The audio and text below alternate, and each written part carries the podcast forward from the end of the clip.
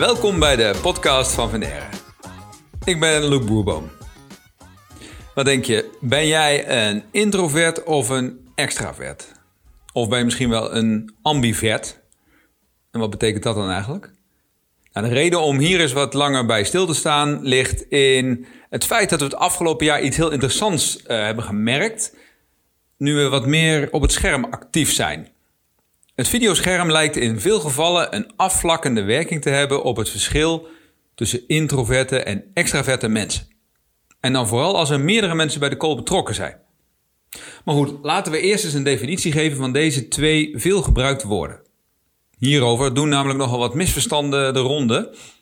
Nou, extraversie en introversie beschrijven een persoonlijkheidskenmerk. Carl Jung was een van de eerste die er meer en diepgaander over schreef. En uh, veel van de huidige persoonlijkheidsmodellen, zoals de Big Five of de MBTI, zijn terug te voeren op zijn theorieën. En het gaat dan met name over de vraag waar jij de meeste energie vandaan haalt. Extraversie, introversie gaat over waar je je energie vandaan haalt. Uit je binnenwereld, je gedachten, je overwegingen, je gevoelens, of meer uit je buitenwereld. Door interactie met andere mensen, avonturen, actie. Hij stelt dat er een schaal is van 100% introvert aan de ene kant tot 100% extravert aan de andere kant. En dat niemand op, helemaal op een van die twee uitersten zit. En hij bedacht zelfs de term ambivert voor mensen die ongeveer in het midden zitten. Die werd nog niet heel veel gebruikt, maar wel steeds meer. En daarover kom ik uh, zo nog te spreken. Gemiddeld gezien neig je meer of minder naar een van die twee. Dat is gewoon zo. En momenten en omgeving zijn ook van invloed op jouw gedrag. Nou, laat ik eens even wat verschillen op een rijtje zetten tussen de meer extraverte en meer introverte mensen. Nou, extraverten zijn van nature meer gewend om te praten, om meer te praten, om eerder te praten en ze denken vaak ook door te praten. De interactie helpt uh, extraverten bij het realiseren van hun wensen. Extraverten reageren sneller, hebben gemiddeld een kortere concentratieboog. Ze beslissen ook sneller, niet per se beter, maar kunnen ook weer sneller van inzicht veranderen en anders beslissen. Introverten aan de andere kant, die wachten wat langer met praten, observeren en overwegen eerst. Uh, introverten hebben ook meer tijd nodig om een bijdrage te verwerken, inhoudelijk en op emotioneel niveau. En houden doorgaans niet van uh, te veel en snelle prikkels. Een introverte beslissing trouwens is veel meer wel overwogen, maar ook vrij onwrikbaar. Die is voor het leven, zou je kunnen zeggen. Nou, mooi zou je zeggen, we zijn allemaal verschillend. Dat is toch mooi? Lekker laten. Maar ja, het is wel zo dat met name in de westerse wereld uh, meer de nadruk wordt gelegd op extraverte trekken. Jezelf laten zien, ad rem zijn, voor jezelf opkomen, succes nastreven in de buitenwereld. Dat zijn allemaal trekken die een extravert veel meer als muziek in de oren klinken en die ook vaker meer gewaardeerd worden. Ook aan tafel in een gemiddelde talkshow of in een politieke arena moet je maar eens opletten. Het is voor een introvert nogal hard werken, zou ik zeggen. Luisteren en een ander laten uitpraten zijn nou niet de meest zichtbare vaardigheden in onze samenleving. Nou, voor de uitvergroting van dit aspect kun je leuk naar Amerika kijken. Daar wordt het woord introvert zelfs wel eens gebruikt als een negatief bijvoeglijk naamwoord. Yeah, she's kind of introverted. Als in, die is niet helemaal in orde. Nou, uiteraard is hier van alles tegen in te brengen. Bijvoorbeeld dat andere volken meer waarde hechten aan de kwaliteiten die gepaard gaan met introversie. Japanners en Zweden bijvoorbeeld. Vraag maar aan mijn mega extraverte broertje, die sinds een aantal jaren in Zweden woont. Het verschil is groot. Nou, gelukkig is de introvert in opmars. De afgelopen jaren verschenen verschillende boeken over de kracht van introversie. Vaak eerst als een soort van zelfhulpboek en aanmoediging. Zo van, uh, nou kom, je bent heus niet gek als introvert. Maar steeds ook meer gaat het oordeel ervan af en komt de onderliggende kracht in zijn stille glorie tevoorschijn. Eigenlijk kan ik beter zeggen, uh, niet de introvert is opmars, maar introversie is in opmars.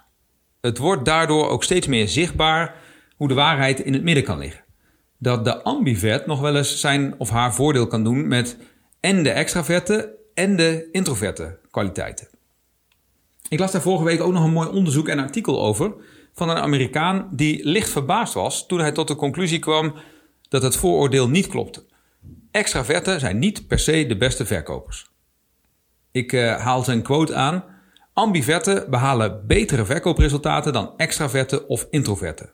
Dat schrijft Grant in zijn rapport Rethinking the Extroverted Sales Ideal, die Ambivert Advantage uit 2013. En dat komt, uh, zegt hij, doordat ze van nature, die ambiverten, een patroon volgen van afwisselend praten en luisteren. Volgende quote. Hierdoor tonen ambiverten voldoende assertiviteit en enthousiasme om klanten te overtuigen en een deal te sluiten. Tegelijkertijd luisteren ze ook goed naar hun klanten en lopen ze minder risico om opdringerig of arrogant over te komen. Nou, daar zit zeker een kern van waarheid in, durf ik te zeggen. Al kan het zijn dat hier bij mij van enige bias of vooroordeel sprake is. Want als ik testjes invul, kom ik doorgaans als ambivert uit de bus. En fijn, nu blijk ik ook gemiddeld gezien nog meer kans te maken op de titel goede verkoper. Dus nou, kom maar op. Nou ja, laten we hier ook maar weer de stickertjes ervan afhalen en de oordelen. Want ja, wat betekent zo'n titel ambivert nou eenmaal? Dat je gemiddeld gezien wat meer in het midden zit. Ja, sure. Maar dat geldt eigenlijk voor heel veel dingen. En in de ene situatie ben ik echt een stuk introverter dan in de andere.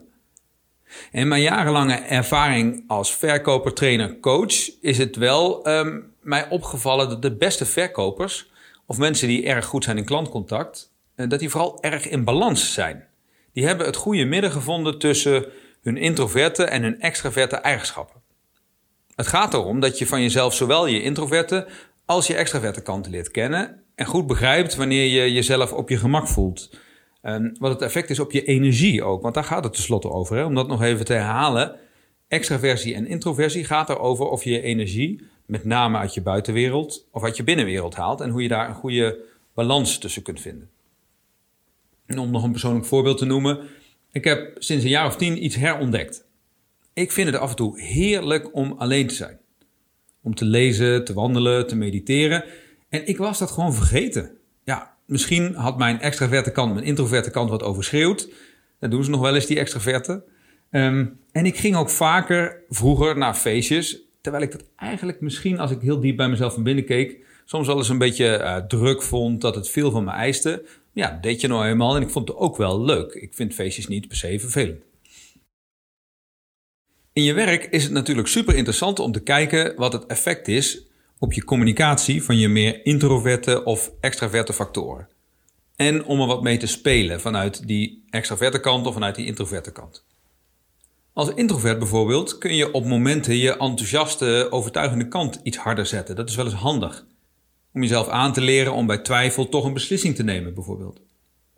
Als extravert kun je jezelf aanleren om iets langer te wachten met praten. Of jezelf de vraag te stellen: hoe is het voor die ander? Zeker als je vermoedt dat die gesprekspartner introverter van aard is dan jij. Het gaat in communicatie tenslotte niet erom of iets goed of fout is, maar of het effectief is of niet, of minder. Of je er meer verbinding door krijgt of juist meer weerstand door creëert. Nou, nu naar het scherm, want uh, daarom begonnen we hier eigenlijk over. Hè? Tijdens veel videocalls, online trainingen, salesgesprekken viel het ons op dat het verschil tussen deze twee polen deels wegvalt. Veel mensen die zichzelf als introvert zien, geven aan dat ze het vaak fijn vinden dat ze even kunnen wachten. Even kunnen bekijken hoe de ander zich manifesteert. En zeker als dat in de eigen omgeving gebeurt, zonder direct non-verbale prikkels van meerdere mensen aan tafel, gaat het vaak veel gemakkelijker. Als de gespreksleider haar of zijn werk goed doet, komt iedereen aan de beurt. En ze weten dus ook, de introverten zeg maar, dat ze wel aan bod komen als de tijd daar is. Een aantal van hen gaf daarbij aan dat ze juist eerder hun mond durfden open te trekken en dat ze voelden dat er beter naar hen werd geluisterd. Andersom, veel zelfbenoemde extraverten laten weten dat ze meer rust ervaren als ze weten dat ze aan de beurt komen. Het is in een gesprek via het scherm tenslotte veel storender als je elkaar onderbreekt. Of zoals een van hen aangaf, de eerste paar keer werd ik er zwaar onrustig van, dat ik steeds moest wachten met praten, me inhouden. Na een paar keer draaide het om en werd ik er juist rustiger van. Ik ging ook beter luisteren.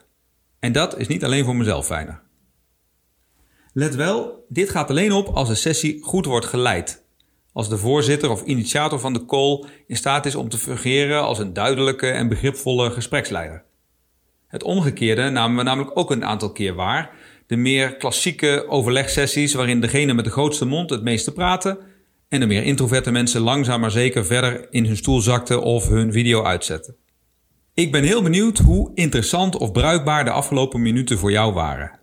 En of jij vanuit jouw introverte of extraverte inslag vergelijkbare dingen hebt meegemaakt of juist totaal andere ervaringen hebt gehad. Wil je reageren? Heel graag. Extraverte mensen mogen ons bellen. Voor introverte mensen hebben we een mailadres. Nee, is flauwekul. Ik hoor het graag van jullie uh, via de telefoon of via info.vendere.nl. En wil je meer lezen of luisteren over communicatie, service, samenwerken, verkoop? Kijk eens op de Vendere Academy. Ik hoor je graag, ik zie je graag. Tot de volgende podcast.